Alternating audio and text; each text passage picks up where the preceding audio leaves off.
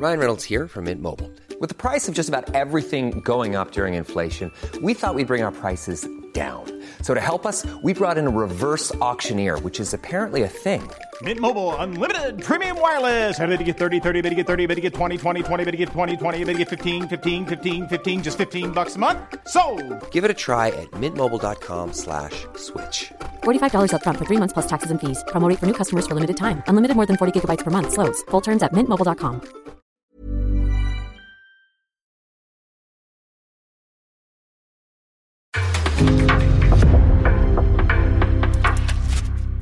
En podcast från Aftonbladet.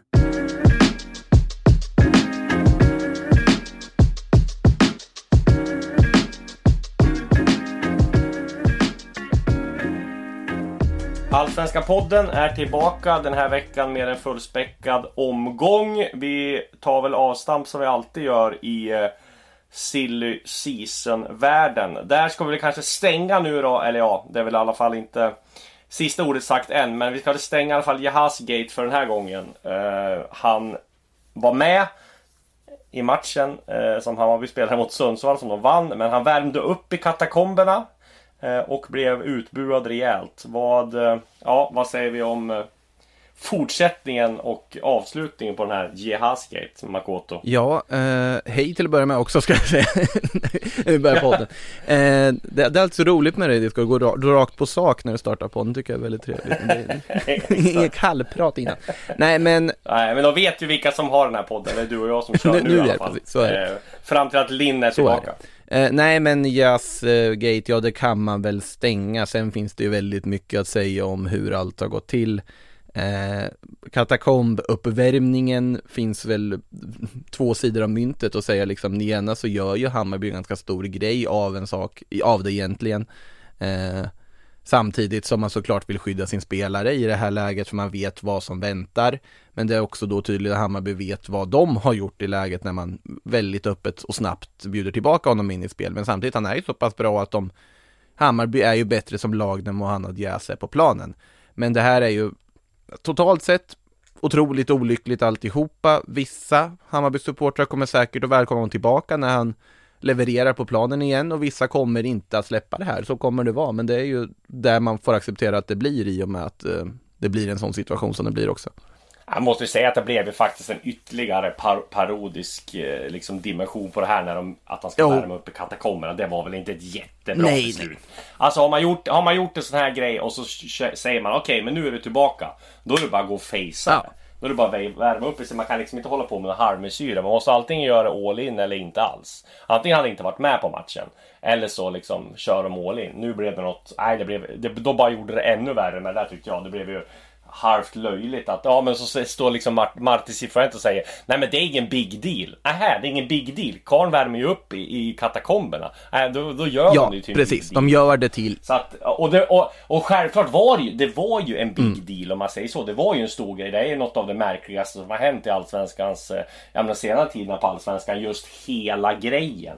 Eh, men det är klart att man gör det bara ännu värre med det där. Det var bara att han skulle... Han, vad, hade, vad hade hänt om han hade värmt upp vid sidlinjen? Jo, han hade blivit utbuad vid sidlinjen. Något annat hade väl inte hänt. Det är ju knappast så att jag tror att någon har liksom kommit in och liksom hoppat på honom eller något sånt där. Men, och jag menar burop kan man väl ta som spelare om man har gjort en sån där grej, tycker jag. För han var väl inte så jätte bekymrad efteråt heller om att de, att de hade buat ut, den, han, eh, buat ut honom. Men han sa ju själv liksom att ja, men jag hör en del som applåderar och, och bla bla bla liksom sådär. Så att han tog det väl rätt hyfsat ändå tyckte jag.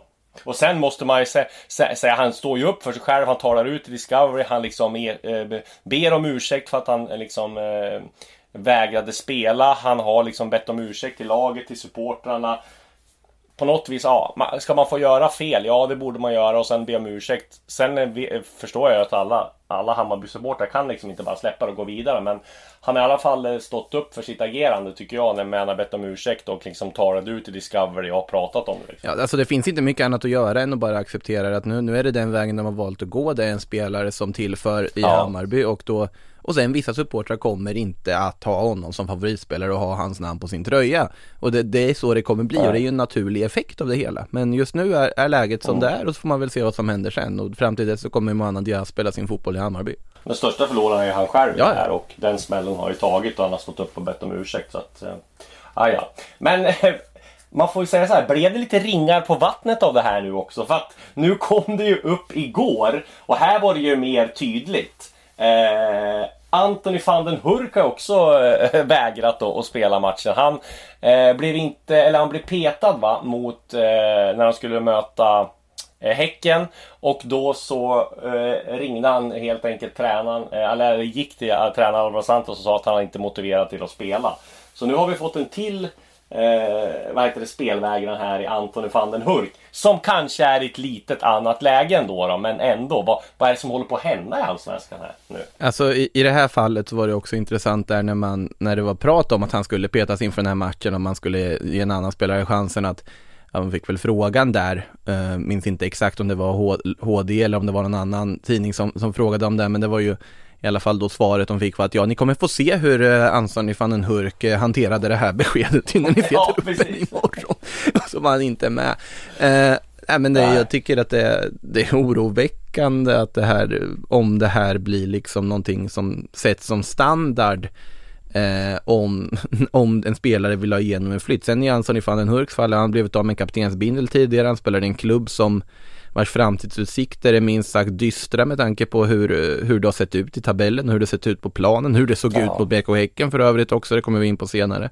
Eh, men eh, nej, det är ju det är ingen som mår bra av det här på något sätt heller och sen kan man förstå såklart han vill därifrån, han blir utav med kaptensbindel och han spelar i ett lag som, där det ser ut som det gör men ja också det, det är inga bra, inga bra rubriker, det är ingen bra grej att göra överhuvudtaget.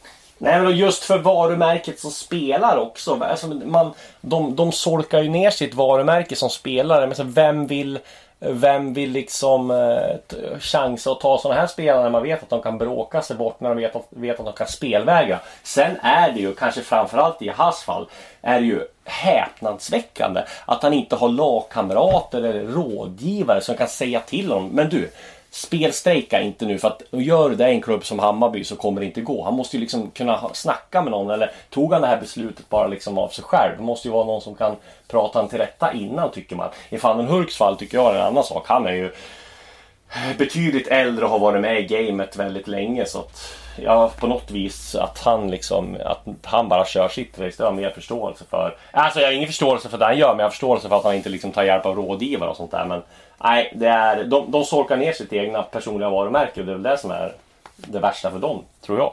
Sen är det skillnad också i liksom, alltså fraseringen. Jag är inte motiverad att spela och jag vägrar att spela. Nu vet jag inte exakt vilka ord som Mohamed Yas använde.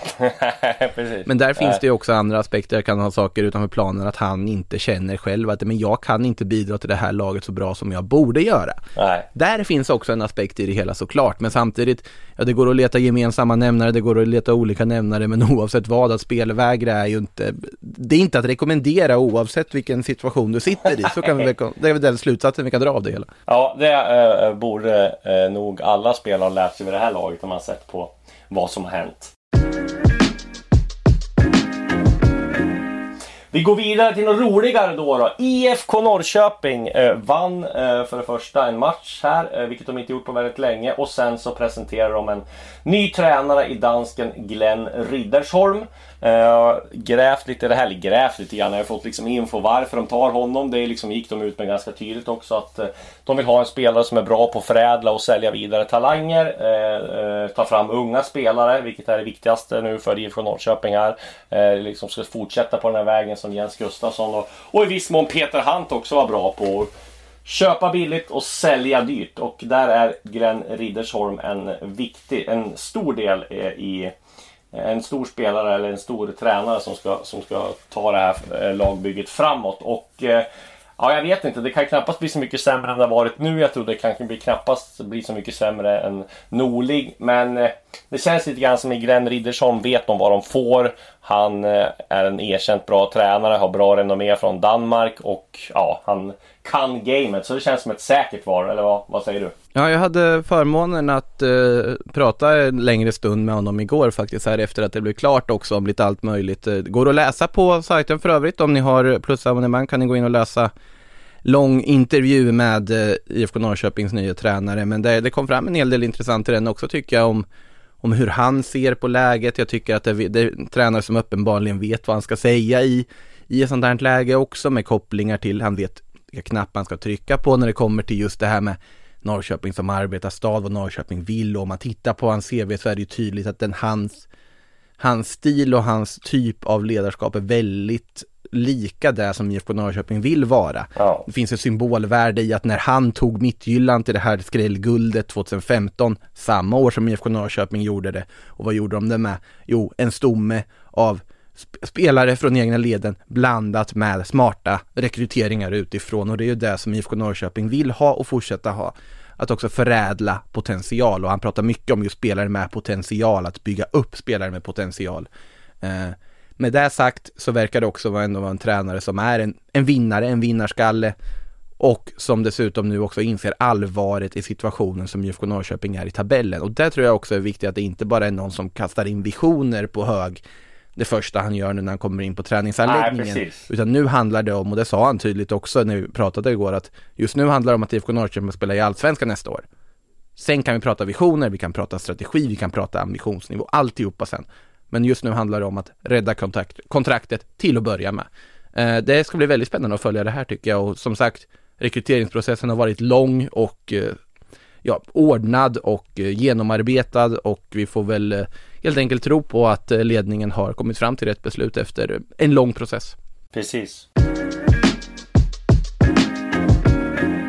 Om vi går till lite silly season-nyheter då så eh, skrev ju jag här i fredags om att eh, Häcken är på väg att ta in Tobias Sana. Som jag har förstått det så har de erbjudit honom ett kontrakt. Det ska handla om ett korttidskontrakt. Eh, Tobias Sana är väl i princip överens med Häcken men har väl Eh, eh, något bud tror jag utomlands också men som jag har förstått det så lutar det åt Häcken även om ingen, inget är klart så han, eh, han får väl se om det blir Häcken eller om han tar det här budet utomlands men eh, jag skulle bli förvånad om det inte blir Häcken i alla fall. Och det är ju en liten känslig övergång får man ju säga med tanke på att han har varit lagkapten i IFK Göteborg och ja, han har en historia där. Vad säger du om det?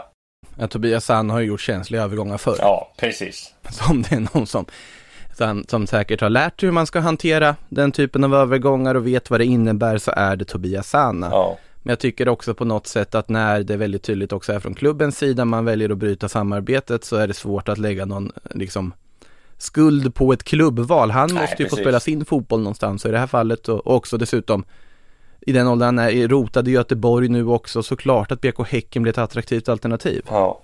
Eh, Så att jag tycker att det är, det är inga konstigheter egentligen och för Häckens del såklart är det en jättejackpot att få en sån spelare på fri Mm, transfer. verkligen. Att bredda det offensiva materialet man har med inför då en push mot att försöka gå för ett allsvenskt guld som måste vara målsättningen sett till vart BK Häcken är just nu.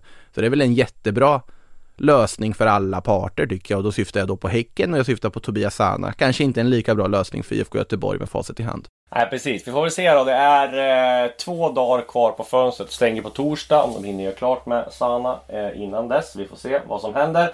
Eh, I övrigt då så letar AIK en mittback faktiskt. De har skada på Per, per Karlsson, de har skada på Alexander Milosevic och ska eh, fortsätta att spela trebackslinje som jag fattar det. Så att de letar efter en mittback. De är väl ute lite i sista, sista stunden här nu också och de har väl liksom inget, inget konkret just nu men de jobbar febrilt på det. Så får vi se om det, om det kommer in någonting innan torsdag här men det är ju ganska logiskt att de vill ha in en till mittback. De har ju Ankolis Sichenje, Sotte, Papadopoulos och sen så spelade Axel Björnström faktiskt i en trebackslinje senast. Så att det är ju inte jättebred trupp de har om både Pertan och eh, Milosevic är skadad. Så att de går för en mittback helt enkelt.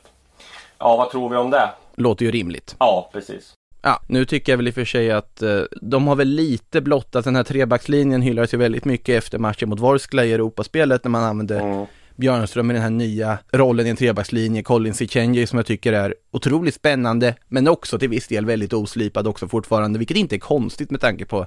A-lagserfarenheten han har.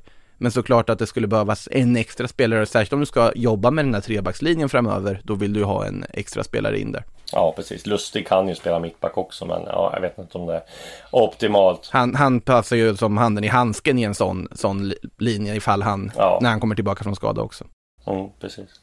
Och i övrigt då så har ju det ryktenas man nummer ett, Isak Hien. Eh, eh, det är Sportexpressen som har rapporterat om att Basel har lagt bud, Slavia Prag har lagt bud, AIK Aten har lagt bud. Eh, men att det inte är någon överenskommelse. Som jag fattar det som så vill inte Norr, eller Norrköping, så vill inte Djurgården och Bosse Andersson sälja till någon av de klubbarna. Att de siktar på en betydligt högre hylla som det är nu. Med tanke på eh, prestationer han har gjort och med tanke på pengarna de kan få. Så att de, och de eh, Djurgården är ju inte i något behov av att sälja nu heller när de kan faktiskt få en Ja men i princip är väl de, om inget oförutsett händer och att de klappar igenom fullständigt där så är väl de klara för en playoff och då då kan de ju faktiskt nå Europa Conference League och då har de liksom ingen anledning att sälja Hien för kaffepengar. Så att eh, nej, det blir spännande. Nu har de fått in Marcus Danielsson också så att eh, de kan nog få bra betalt för Isak Hien om, om de inte liksom säljer honom till Basel, Slavia eller AIK. Om det blir något annat. Då, då kan det bli rejäla pengar då. Ja. Det blir spännande att följa vart han går. Ja, och sen också så här för, för Isak Hiens del ska vi komma ihåg att det här är hans första riktiga säsong i allsvenskan. Det finns egentligen ingen anledning att stressa iväg till en Nej. miljö där du inte vet vad du kommer få för speltid och förtroende. Nu var han, nu är han i en klubb som mycket väl kan spela ett Europagruppspel om allt vill sig väl till, till hösten där han har stort förtroende, där han är otroligt omtyckt av fansen. Eh, vi kan säga så här, det finns ingen anledning att försöka strejka sig bort i alla fall. Nej. Om vi säger så för, för Isak Hien om det skulle, om det skulle bli så. Utan han, han kan nog sitta ganska gott i Djurgården. Känslan är väl också att han inte stressar iväg och bara tar första bästa heller. Eh, finns ingen anledning att göra det för, för en sån spelare som fått det genombrottet han nyligen har fått. Nej, precis. Då ska vi gå lite grann på omgången som var här och då får vi faktiskt börja med det som hände igår. IFK Göteborg hakar på i toppen. Hör och häpna. Eh, körde över Jocke Perssons Varberg fullständigt på bortaplan. 4-0.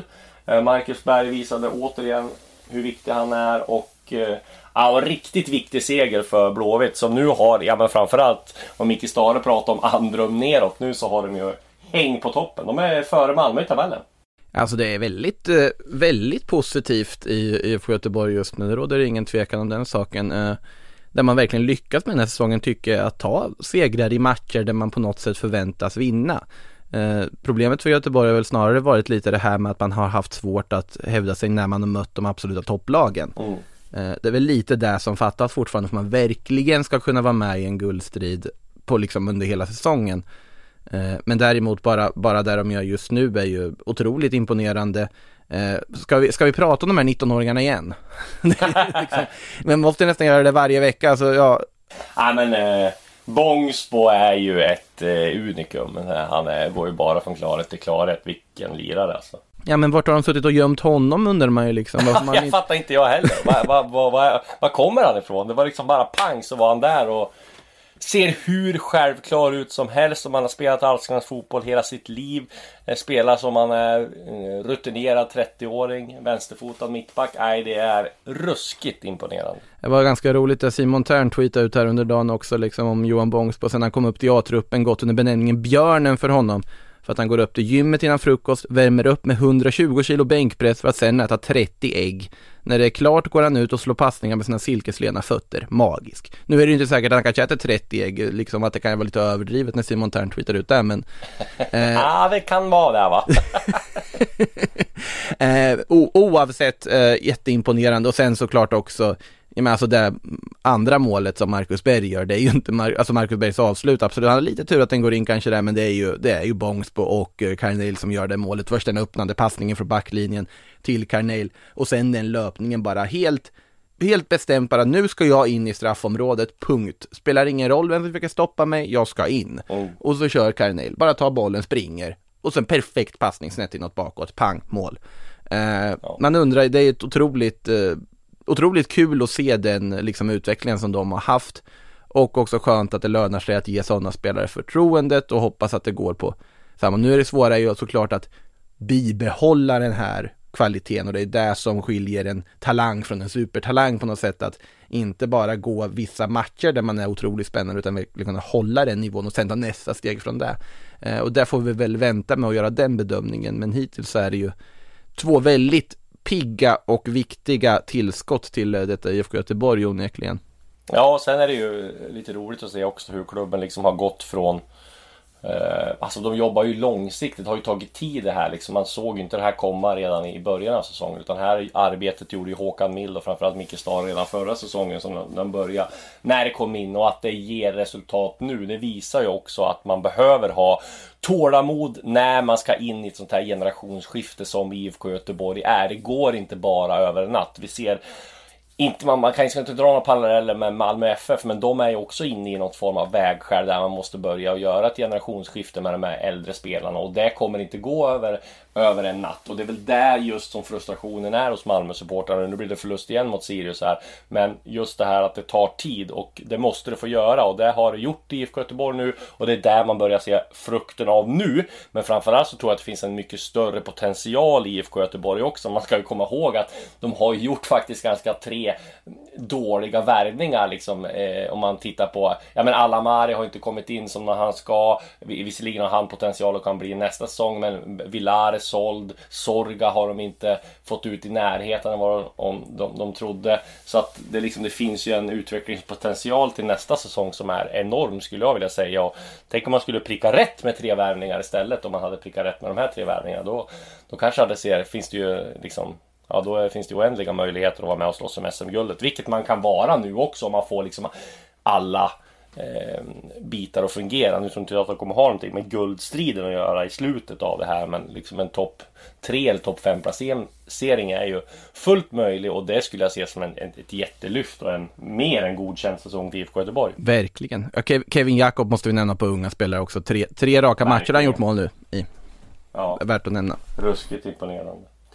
Ja, nej, positivt i, i Göteborg och det är väl samma sak i BK Häcken, de fortsätter att imponera. Körde fullständigt över Helsingborg eh, som inte hade en, en chans. Det ska väl vara de här förhållandena också mellan lagen. Vi har sett Häcken eh, köra över Sundsvall också, de här bottengängen. Och ja, sån stor skillnad är det och ja, Helsingborg ser mer och mer ut. Visserligen har de fått in ett par värvningar som nog kan eh, slå, eh, liksom slå till över tid eller bli bra om, om eh, några omgångar. Och ja, det känns ju som vi har varit inne på tidigare. Det är Helsingborg, det är Degerfors, det är Sundsvall som får slåss om de där. Som får slåss om en kvalplats. Ja, de andra två åker ut. Ja, alltså såklart att Häcken gör det här otroligt imponerande. Jeremejeff gör inte något av målen. Det kanske är värt att till och med bara säga att han inte... Otroligt! Ja, det är Oskar Uddenäs tar över och gör hattrick istället bara där. Ja. Eh, så att de har fler målskyttar än bara Jeremejeff, bara en sån sak. Men alltså samtidigt, jag kan inte släppa hur hur håglöst det faktiskt ser ut i Helsingborg under den här andra halvleken när man bara på något sätt slutar spela och bara ger upp och låter det rinna iväg. Eh, jag tycker det är sorgligt att se hur, eh, hur det såg ut faktiskt och det som sagt, det finns ju ingenting som tyder på att det inte ska vara Sundsvall, Helsingborg, Degerfors som gör upp om det, för det känns som att det är väldigt svårt att hitta positiva saker i någon av de föreningarna just nu. Möjligtvis något mer positiva tongångar i Degerfors om man jämför med de tre. Men just Helsingborg och Sundsvall ser inte bra ut just nu. Nej, verkligen inte. Och eh, några som inte ser bra ut eller som får väldigt mycket. Alltså, jag skannade av sociala medier här med AIK. Jäklar vad eh, det är kritik mot Bartos och mot laget. De har ju ändå häng på toppen och det, liksom, det är väl ingenting som är förlorat än i Europa. Men eh, nej, det är väldigt många eh, frustrerade AIK-supportrar och torsk nu mot Kalmar. Eh, 1-0. De imponerar inte alls i i första halvlek gör den helt okej okay, i andra men eh, nej jag vet inte. AIK det är liksom lite som med Hammarby förra, förra omgången. De får liksom inte till det där sista. Eh, även om de har en del skador på nyckelspelare och även fast en del nyförvärv som eh, Vincent till här inte har liksom kört in tillräckligt än som man fick starta så. Eh, det är något som fattas men jag tycker ändå inte att eh, det är så farligt ut för AIK. De är med och slå, kan slå som guldet. De är med, kan fortfarande gå vidare i Europa. Så jag menar, sån fara på taket tycker inte jag det är. Vad säger du? Alltså, det finns ju två, två aspekter i det här, tycker jag. För, för det, det ena är ju att AIK är ju en förening som om det inte stormar, om det inte blåser kalla vindar så är det nästan någonting som är fel. Det hör till att det på något sätt ska storma lite i AIK. Eh, det, ja. det är liksom normal, normaltillståndet är att det är lite blåsigt. Men absolut, om man bara tittar på vad AIK gör under den här säsongen, vad de har åstadkommit hittills, att börja prata om att Bartosz uh, Jelak borde avgå eller sparkas, jag tycker det är helt, det är otroligt reaktionärt och otroligt underligt. Ja, uh, Det finns ingen som helst anledning att göra sig av med honom, tycker jag, sett till alltså bara, bara det faktum så här, hur snabbt han har fått in John Guidetti att se ut som en av allsvenskans absolut bästa forwards från att ha knappt ha spelat på ett år. Ja. Eh, sättet som han ändå sätter vissa matchplaner och vinner viktiga matcher, sättet de vänder, vänder det här mötet mot Vorskla ska inte underskattas. Många verkar ha undervärderat nivån på det ukrainska laget någonting enormt och bara titta på hur mycket matchträning de har. De har ganska bra grundspel som gör att eh, det var ingen lätt uppgift att vända på det här sättet de har gjort. Jag tycker han har prickat väldigt mycket. Sen i det här fallet absolut åker till Kalmar borta och förlorar. Ja, det är inte helt lätt att hantera Kalmar borta med tanke på att vi vet vilket otroligt grundspel Kalmar sitter på med Henrik Rydström och vilket bra lag det är. Mm. Jag ser ingen ingen som helst anledning att reaktionärt börja kasta om allting i AIK här och nu, utan jag håller helt med dig Disco att de, de är ju med i allt de ska vara med i just nu. Ja men också just att han spelar, han spelar unga spelare. Han har fått in Collins Cichenje nu som också är en ung spelare som spelar och har gått in och sett det väldigt bra ut. Så jag menar, vad menar de? Alltså, det är självklart kan det alltid se bättre ut, det kan spelas offensivare. Men just den här balansen med att spela unga spelare och vara med i Europa, vara med och slåss om, om guldet. Det ska man inte underskatta. Och nej, det är liksom helt Eh, nej, att de, att de skulle liksom sparka Bartos, det är bara tokerier. Det, de, de skulle inte, klubben skulle inte må bra och börja om igen nu. Jag menar, jag såg ju några som var ropa på Norling. Liksom. Ja, det, det, är så bef, det är så befängt så man fattar men, ingenting. Men, men, det ska vara så här i AIK-led. Det, det ska vara så här fast... Exakt, så ska det vara. Så här, så här. Alltså, det säger inte att de ska sparka Bartos, att de ska se till att göra kaos av det, men liksom den allmänna stämningen runt klubben ska ju vara visst smått kaotisk, annars är det inte AIK. Det ska finnas orimliga krav, en orimlig kravbild och det ska vara, alltså man ska vinna ja. varje match, annars är det tokkris. Och det, på något sätt så tycker jag att det finns något vackert i det också. Verkligen. Men såklart att Bartosz Jelak ska få fortsatt förtroende och att AIK gjort en hittills väldigt bra säsong. Det tycker jag inte att någon kan argumentera emot i alla fall. Verkligen inte. Hammarby fortsätter också att ånga på även fast det var lite gupp på vägen här förra omgången så ja, men ganska enkelt avfärdar de i Sundsvall och ja, eh, Sundsvalls back Force Lasso gör ett misstag efter 43 sekunder och matchen är väl typ död där. Det som Hammarby kan ta med sig då eh, är väl att vet om Berisha har presenterats sig och han ser ju ut som ett monster som kommer leverera väldigt mycket mål och jag tror man visste vad man fick där när man spenderade de pengarna som var inne på tidigare. Han ser ut att bli en rejäl tillgång för Bayern och en profil i Allsvenskan känns det som. Ja, det här, man, man städar ju av ett eh, seriens eh, just nu klart sämsta lag ganska enkelt. Eh, är väl aldrig hotade på något sätt överhuvudtaget i den här matchen. Det är ju alltså inte bara i målprotokollet utan även statistiskt så är det ju förödande, alltså ja, faktiskt förödande överlägset Hammarby som, eh, som gör det de ska och som sagt att få in Berisha där det kommer ge jättemycket för dem. Eh, sen får man väl skicka sina tankar till Forrest Lasso som inte bara gör ett misstag i början av matchen utan avslutar hela kalaset med att sätta ett självmål också i, i slutminuterna. Mm. Precis. Eh, och ja, eh, som var inne på tidigare också, Malmö torsk mot Sirius. Imponerande seger av Sirius. Christian Kouakou gör mål. Eh, Mustafa Zeidan får ett nederlag mot klubben han lämnade. Var väl inte direkt det han hade tänkt sig. Eh, han var väl lite Eh, han visade att han var stark mentalt i alla fall eh, när han var ute och, och sa i tidningen att det är ingenting att börda för det här liksom. Det, han har eh, antagit den här malmöitiska attityden direkt och, och det bådar väl gott. Men nej, det som inte bådar gott för Malmö är att det fortsätter komma sådana här torskar och att, som vi var inne på tidigare, generationsskiftet kommer ta tid. Eh, sen så vet vi ju hur fansen, eh, hur krävande fansen är och ja, torsk mot Sirius, det är ju nej, det känns som det är något som, som inte stämmer i Malmö. Ja, jag var ju själv på plats på den här matchen på Studenterna så om vi, vi kommer till Malmö, men först måste man väl hylla lite det som görs i Sirius, det liksom genomarbetade, hårda arbete man lagt på fasta situationer som ger eh, resultat när eh, Stensons eh, leverans till Mathisen ger 1-1 målet. Det pratar man ganska mycket om därefter också, att de har verkligen jobbat hårt för att bli farligare på just sådana. Att Kouakou får göra mål pratade Daniel Bäckström otroligt varmt om att han får hitta målet och gör, gör ett så pass viktigt mål och ett fint mål när han springer sig fri, är otroligt kylig i den situationen när han väntar in rätt läge och hittar den där lilla luckan för att placera in den oerhört vackert.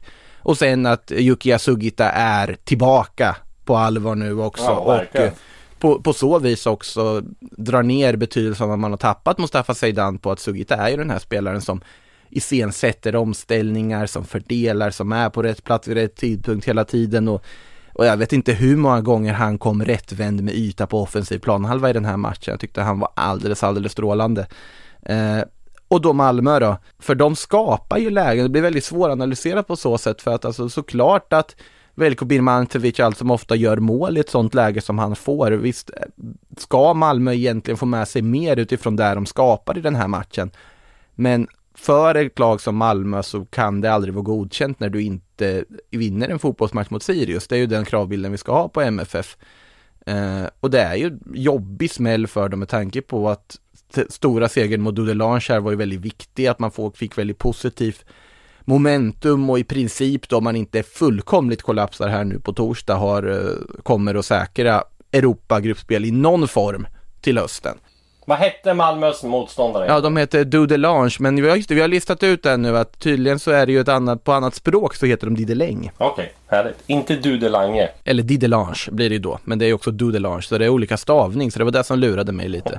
okay. eh, förra veckan. Ja. Men, jag tänkte mer på nog... mitt Dudelange, ja. Ja, Dudelange är det nog inte, det, men...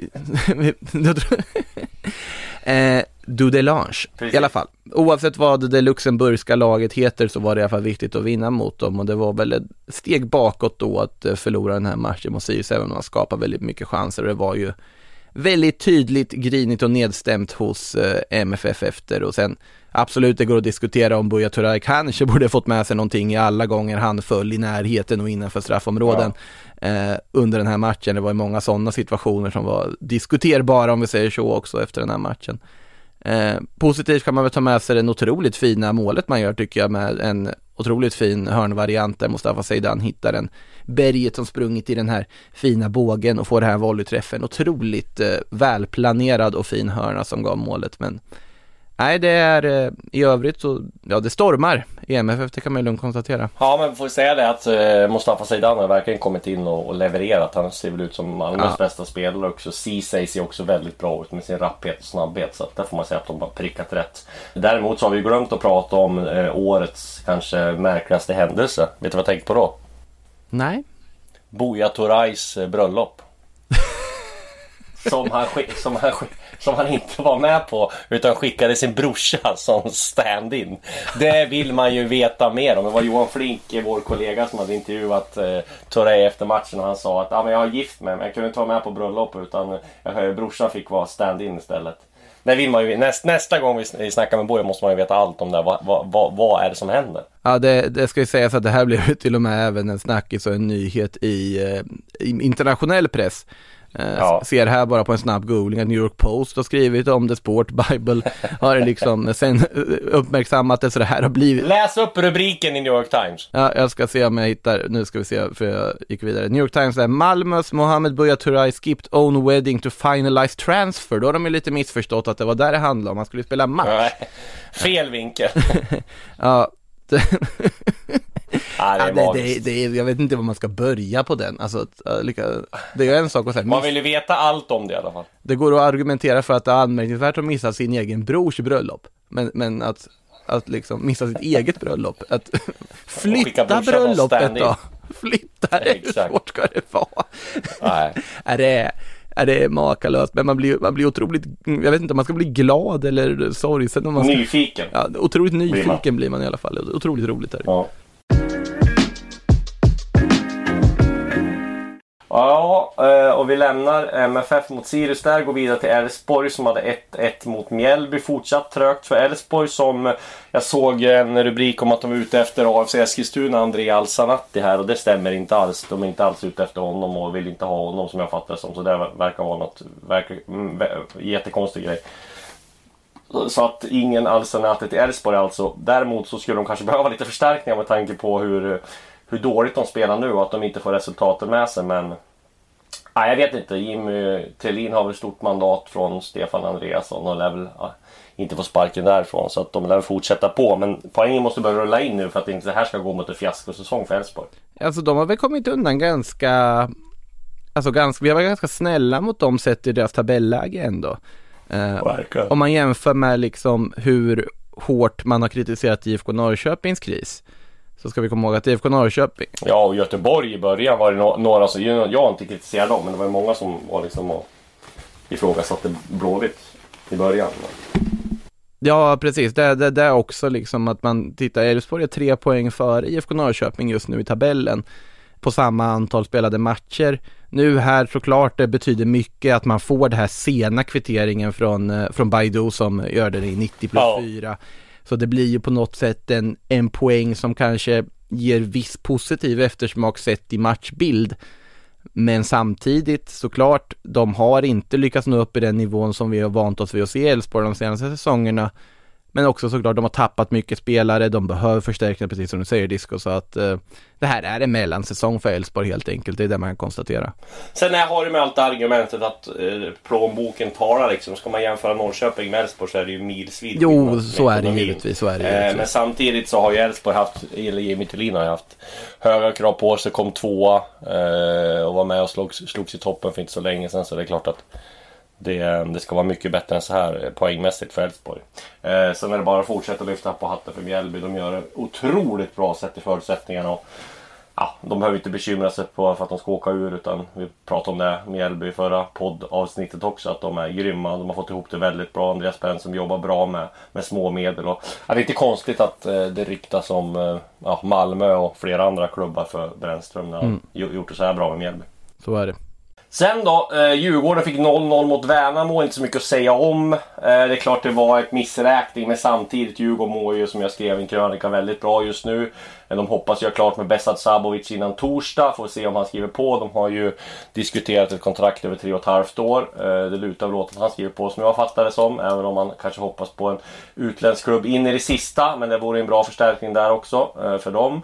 Eh, och 0-0 mot Värnamo som, var inne på Värnamo som var inne på tidigare. Det är svårspelat på Finnvedsvallen och eh, ja, det var väl inte allt för deppiga miner där. Även fast Viktor Edvardsen borde ju avgjort det här med sitt eh, eh, jätteläge där när han fick upp ett mål. Alltså för Djurgården just nu, så det viktiga blir på något sätt absolut, det här är väl inte någon kris, sen, sen vet man ju aldrig vad det är för matcher och vad det är för resultat som kommer visa sig vara kostsamma i slutet av en säsong, framförallt när vi har den här helt fantastiska tabellen vi har i toppen just nu med så lite avstånd mellan alla de här guldkombatanterna så kan 0-0 borta mot Värnamo visa sig vara jättekostsamt. Men samtidigt som jag är helt inne på det du säger också Djurgården, en klubb som mår väldigt bra just nu. Eh, man har ett bra läge i Europaspelet, man imponerar där och det känns som att det finns någon sorts liksom också Europa-hype. Det viktiga nu är ju att Ja det är aldrig lätt att liksom, att så här, Värnamo borta mitt emellan två Europamatcher såklart att det kommer vara Även om man aldrig skulle medge det såklart kommer det vara viss svårighet att fokusera till en sån match Alltså det finns andra det. saker som ligger på horisonten, det finns andra drömmar som ligger på horisonten. Det viktiga är att det här inte blir någon sorts vardag. För om, om Djurgården ska spela ut i ett Europagruppspel, då gäller det att kunna hantera att också kunna ge, få en hundraprocentig insats och kunna ta de här slentrianpoängen om man får kalla det där nästan i serien också, för annars så kommer man tappa i guldstriden. Eh, Så att det blir en väldigt svår balansgång ändå för, eh, för detta Djurgården att eh, under hösten, om man nu skulle gå hela vägen till gruppspel. Ja, och till sist då. IFK Norrköping vinner äntligen. Det är Totte Nyman som nickar in det så viktiga 1-0 målet på inlägg från Ekpolo. Och utan att göra en speciellt bra match, Degerfors borde faktiskt, om man sett till målchansen av spelet, vunnit den här matchen tycker jag i alla fall. Eh, tränaren Tobias Solberg sa det också efteråt, att det är sjukt att vi står här och att vi inte vinner den här matchen. Så Degerfors mycket bättre, men Peking vinner och får fira med fansen. Nog så viktigt nu när man eh, kommer in och får en ny tränare och ska ja, göra allt för att inte åka ur, vilket jag tror nu att de inte be behöver bekymra sig över. Nej, det, det alltså det, jag vet att man har sagt förut att det finns en risk såklart, men samtidigt alltså om man gör där man ska så ska det inte kunna leda så långt som till nedflyttning, men där så ska det fortfarande göras. Det, jag har pratat om symbolvärde några gånger i den här podden redan idag, men att också 2-0 målet är förlösande, avgörande 2-0 målet hemma kommer genom stjärnnyförvärvet Arnar Sigurdsson som springer själv, har liksom hur mycket tid som helst på sig eh, när han ska då placera in den här bollen eh, och avgöra den här matchen och att han placerar in den också såklart att sån minnesbild att ha med sig till nästa match betyder också jättemycket tror jag för Norrköping och att han har kommit in i ett målprotokoll och poängprotokoll dessutom. Så att på väldigt många olika sätt en väldigt viktig seger för IFK Norrköping. Verkligen! Och så ska vi blicka framåt mot Europa Conference League-kvalet. Djurgården har ett jätteläge att gå vidare, har ett 3-1 eh, resultat eh, borta. Eh, och du ska kommentera den matchen. Yes. Var kort, vad, vad, vad tror du där? Eh, alltså Djurgården har som sagt ett ypperligt läge. Sen är det ju det där lilla målet de släppte in när man bjuder in dem. Ja. Man hade ju total kontroll på matchen mot Sepsi och, och sen därefter då på något sätt ändå gör vissa ändringar för att man har läge att göra det och då släpper man in det där målet. Eh, som gör att det ändå finns en viss nerv i den här matchen men såklart att Djurgården är storfavoriter att lyckas lösa det här avancemanget. Med det sagt om Sepsi som såklart är ett bra lag som spelar i den rumänska ligan, om de skulle göra ett första tidigt mål då har vi plötsligt en ganska stor nerv för då är det bara ett mål till som krävs för att vi ska ta det till en förlängning. Så att eh, det är absolut inte avgjort men Djurgården har ett ypperligt läge i alla fall att ta sig vidare. Det ska bli väldigt kul i alla fall att få se, för det var ju otrolig stämning senast eh, när de spelade hemma där i förra rundan mot Rijeka. Får se om det får samma, samma elektriska stämning på Tele2 den här gången. Ja, det tror jag absolut. Och eh, vi sänder ju alla matcher på Sportbladet. Eh, skaffa plusabonnemang nu så kan ni se dem. Eh, och AIK får det tuffare. De åker till Nordmakedonien och har med sig 1-1 från hemmaplan. Ja, sen med det sagt, eh, Skendia utifrån det, för den, den matchen kommenterade jag ju när de spelade hemma här. Ja. Eh, om AIK når upp i normalnivå så är Skendia ett klart sämre lag än vad Vorskla Poltava är. Så känns det. Det, det tycker jag utan tvekan. Det är ett lag som aldrig har tagit sig till Europas, Europagruppspel förut. Ett lag som AIK i normaltillstånd ska kunna besegra. Det som talar för att man faktiskt lyckas vända det här på bortaplan, vilket inte såklart är helt uppenbart att man kommer göra i en tuff bortamatch i Skopje. Eh, det är ju att AIK i desperation funkar oftast bättre än ett AIK som inte är i det. Exakt. Eh, och jag tror med den pressen så kommer man säkert kunna lyfta sig till uh, i situationen och lyckas lösa det. Så jag tror, jag tycker fortfarande att även om det är en retur på bortaplan med ett, svag, med ett ja, en missräkning får man ändå säga tycker jag att oavgjort är. Även om Sebastian Larsson konstaterade väldigt väldigt smart på så vis att det är bara en missräkning om vi åker ur. Mm. Annars är det absolut inte det. Eh, jag tror att AIK är knappa favoriter ändå att faktiskt lösa det här sett till att det är ett klart bättre lag än vad Skendi är. Och jag tror att Malmö bara städar av Didelange också. Det ska inte vara något problem att, att ta sig vidare. Ja men alltså om, om, om de skulle misslyckas att använda det här 3-0 övertaget de har i returen, då, ja, då vet jag inte vad de ska göra i klubb. Nej, det, fin det finns inte. Det finns inte. Det finns inte. Vi har som sagt mycket att se fram emot den här veckan och håll utkik också på sportbladet.se. Där kommer det komma lite sillnyheter. Fönstret stänger torsdag natt. Eh, som ni kan hänga på där. Det kommer säkerligen nya eh, allsvenska sillnyheter rätt snart här. Eh, med det säger jag och Makoto tack och hej och på återhörande nästa vecka. Du har lyssnat på en podcast från Aftonbladet. Ansvarig utgivare är Lena K Samuelsson.